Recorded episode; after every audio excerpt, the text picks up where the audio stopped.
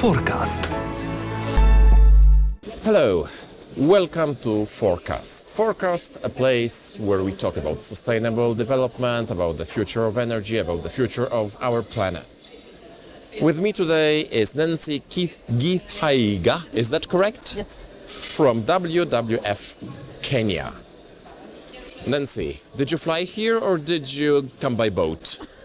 Sailboat. I think uh, I flew here via Germany, eight hours and another one hour, so about nine hours. Is it sustainable to come all the way from Kenya to Krakow to talk about, uh, well, the sustainable development of the world, the protection of the planet, circular economy, and you come by plane? And emit a lot of gas emissions. Yes. However, I think the importance of this meeting and this gathering here uh, far supersedes any emissions that I would have made. And meeting people who are in the business of wanting to make a difference and just trying to spur that willingness to move from committing to actioning, I think is greater than any emissions that you can talk about. Okay, so you're not planning, you will be flying back as well by plane. You're not planning to, I don't know, find a yacht or any sailboat or kayak. or run. In Kenya, we are runners. We are long distance runners. So, unfortunately, because of the Baltic Sea, we will not be able to run. Uh, but of course, in future, what we hope to do is use technology and be able to still meet people. We now have great technology that people can still meet without necessarily having to travel. But we still need, their things, we are talking now, we may not be able to talk like this if you only saw me on Zoom or on other technologies. Yeah. Uh, what are the challenges in terms of sustainable development environment in Kenya? Because in my simple mind, Kenya is a beautiful country. I've never been there, but it's a beautiful country. I remember from the White Masai book, uh, where like people live in accordance with the nature. Maybe not very uh, developed or very uh, or very rich, but really in an environmentally friendly way. So, what does your organization do? Are there any challenges at all? Maybe we go back a little bit. The Kenya you describe is probably a Kenya of 50 years ago or 40 years ago, if I can be kinder to ourselves, uh, where the population was not as big as it is today. We were able to live harmoniously with nature, and therefore, maybe the pictures you saw is a Maasai walking alongside a lion. Yes. In Nairobi, we still have lions that occasionally come to the road. I think the only city with a park right inside it.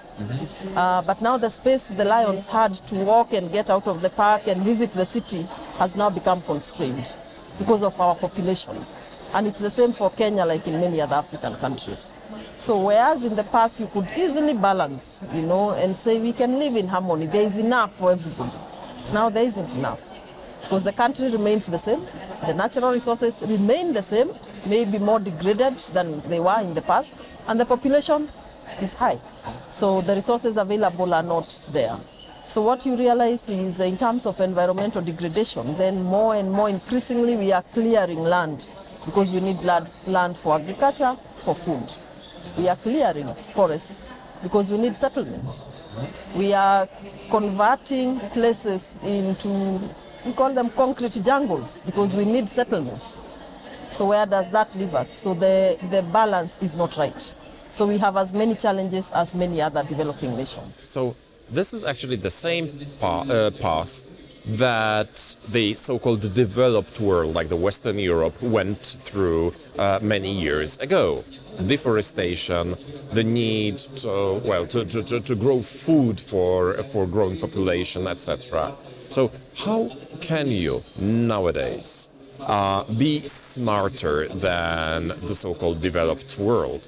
What can you do better? Because well, you will not decrease the population. You have to somehow find a way to develop in a sustainable way. What do you do? You are right. I think we have a good opportunity, Kenya and other developing nations, not to go through the failings that have come up because of other developed nations. For instance, there was, you know, huge investment in energy, and we all went coal in the past because that is what was available, that is what we knew. But today, I mean, there are so many technologies. We are lucky to be developing in a time when there is technological advancement. So why, for instance, would we want to invest in fossil fuels heavily when the sun can provide us solar energy? Mm-hmm. Maybe technologies that were not available in the past but are available today. Must we follow the path uh, that others followed? No. We can develop, but in what we would call a low carbon economy. Mm-hmm. So there are opportunities for us. And these are the opportunities as developing nations, as Kenya, we need to grab. And you do research and development, yes? And how do you personally or WWF, how does WWF contribute to the to spreading these sustainable solutions? Is it education? Is it I don't know supporting some startups that that are developing renewable energy sources, or is it something totally different? Uh, we actually tackle as WWF, and I really love working there because we look at things at different levels. So, at the lowest level, we look at solutions where innovation comes in. What are these solutions available elsewhere that probably our communities do not know are available? So, if you go to many villages we work in in Kenya now, you'll find we are trying to link them with the market for solar lighting because maybe we do not have you know electricity grid in these villages and the technology is available so as WWF we are in there and are saying this works why don't you try it? Mm-hmm. That is at the lowest level. Then if there are people trying out new technologies we also use the opportunities to help them innovate and scale up. This is fairly new for us in WWF but we are saying we cannot tackle the problems and challenges of the past with the same solutions. Mm-hmm. So we are looking at what are these new solutions? And these solutions are with you and other investors. And thirdly, we are saying we can do all that. But if the government don't take this seriously, we can only tackle a very small bit. So the work on policy that I do is to ensure that there is a systemic change so that if it's solar energy, the government creates an environment that allows people to use solar energy to make it cheaper and affordable and available. You mentioned one very important thing uh, that alone you cannot do much. You can only do little. So there is the NGO sector, there is the government, there are the companies. How does this work now in your daily work practice? Uh, how does it how does it work? Who could do better? Who could cooperate better so that uh, we can really be more sustainable? Or is it ideal, like everybody is doing their part and well, everybody is cooperating and we are moving towards a shiny, sustainable future? You are at the you are at the front. How do you see it? Uh, maybe that's what ideally would, it would look like, but uh, you realize that as an organization, you cannot be impactful as an organization. As NGO alone, you cannot be impactful. As private sector alone, you cannot be impactful. As government alone, you cannot be impactful. So when we join hands, so as the CSO or the civil society movement, what we do is then we bring people together, many, many times to demand for rights that they probably need, to demand for that energy.